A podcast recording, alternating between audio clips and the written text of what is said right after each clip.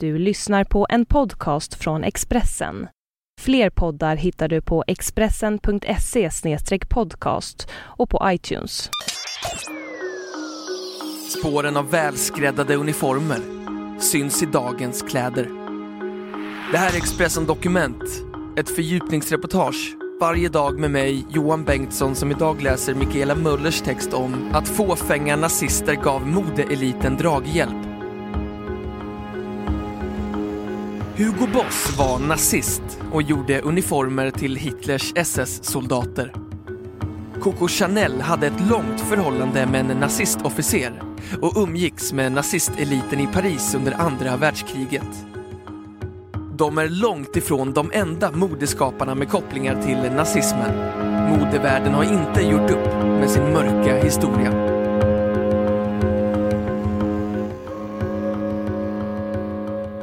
Kontoren är fyllda av dem. De är överallt på gatorna i finanskvarteren, i parlamenten och i rättssalarna.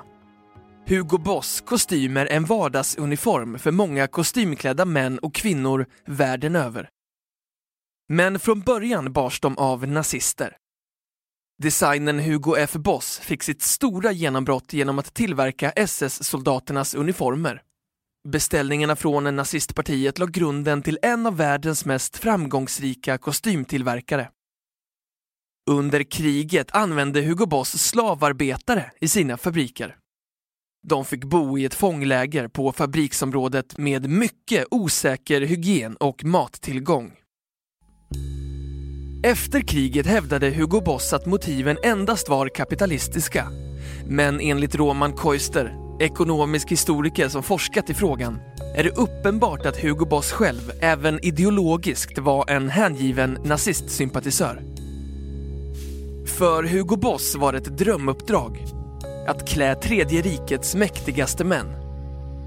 Hugo Boss berättade om beställningar från nazistpartiet i sin reklam, säger Patrik Steon, forskare och lektor i modevetenskap vid Stockholms universitet. Nazisterna var fåfänga. Hitlers stora intresse för konst och arkitektur är känt. De konstnärliga idealen stod i centrum för hans världsbild.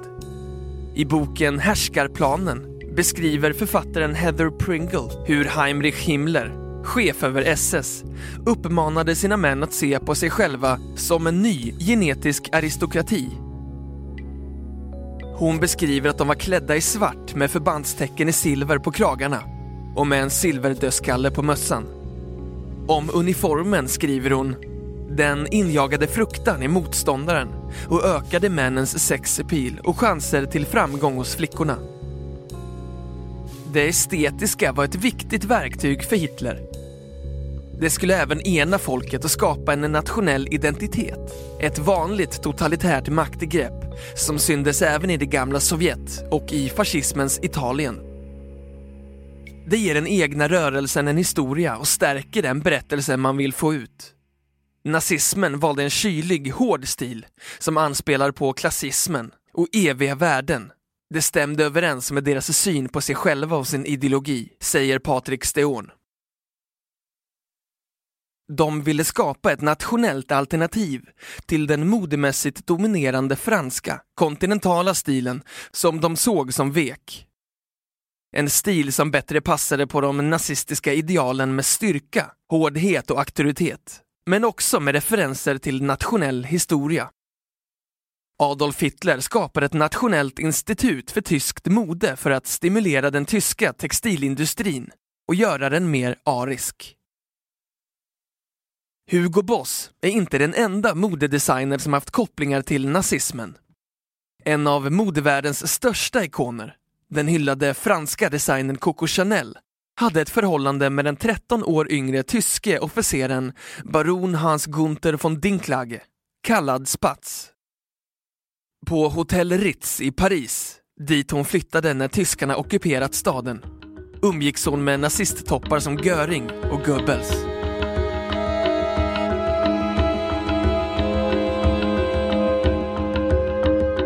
Expressen Dokument, en podcast från Expressen.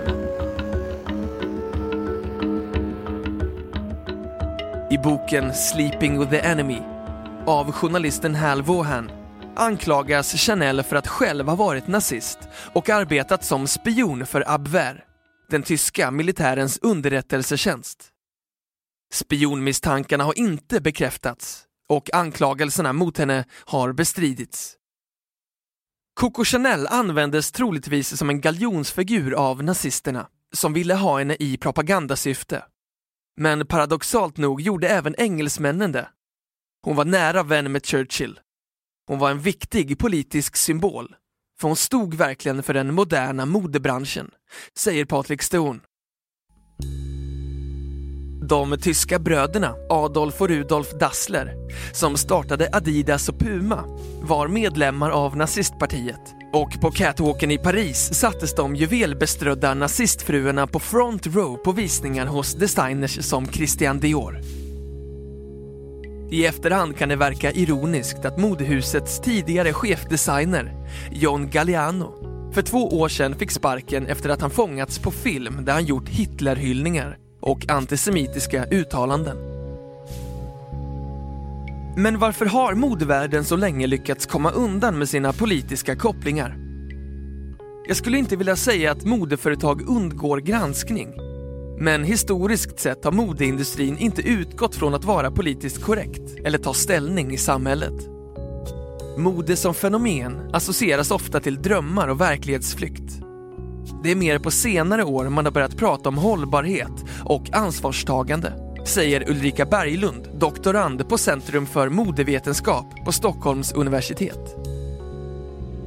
Modevärlden tycks ha en särskild böjelse för nazismens estetik. För några år sedan placerade sig nazisterna och Hitlers favoritbefäl, Erwin Rommel, på amerikanska magasinet GQs prestigefyllda lista över århundradets 200 mest välklädda män. Tidningens chefredaktör, James Brown, prisade Rommel för sin förmåga att vara stilfull i motgång, vilket kostade honom jobbet. Få andra ideologier har haft en så tydlig estetisk profil.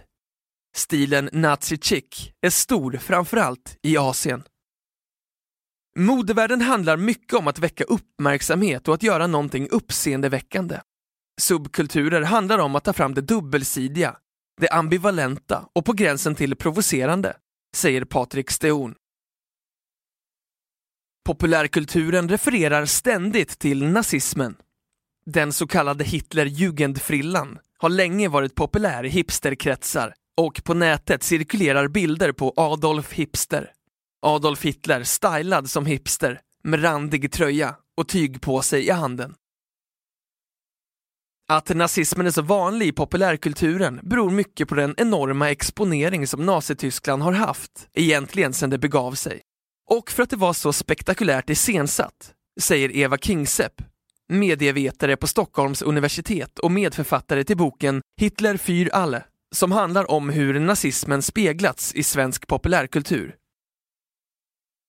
Oftast tas hakkorset och andra symboler bort, men man ser på designen att det är nazistuniformerna som har legat till grund. Det har etablerats vissa klädkoder för vad som är nazistiskt och mycket av det härstammar från Hugo Boss uniformer, säger hon. Du har hört Expressen Dokument, ett fördjupningsreportage om att fåfänga nazister gav modeeliten draghjälp av Mikaela Möller, som jag, Johan Bengtsson, har läst upp.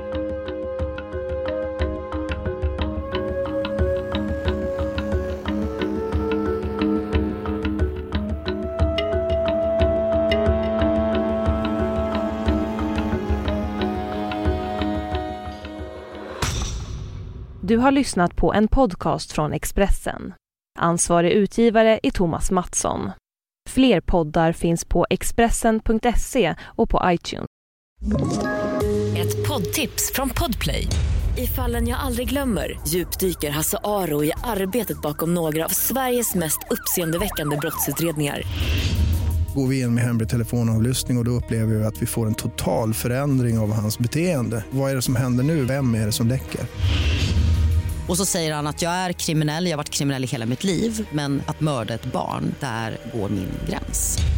Nya säsongen av Fallen jag aldrig glömmer på Podplay.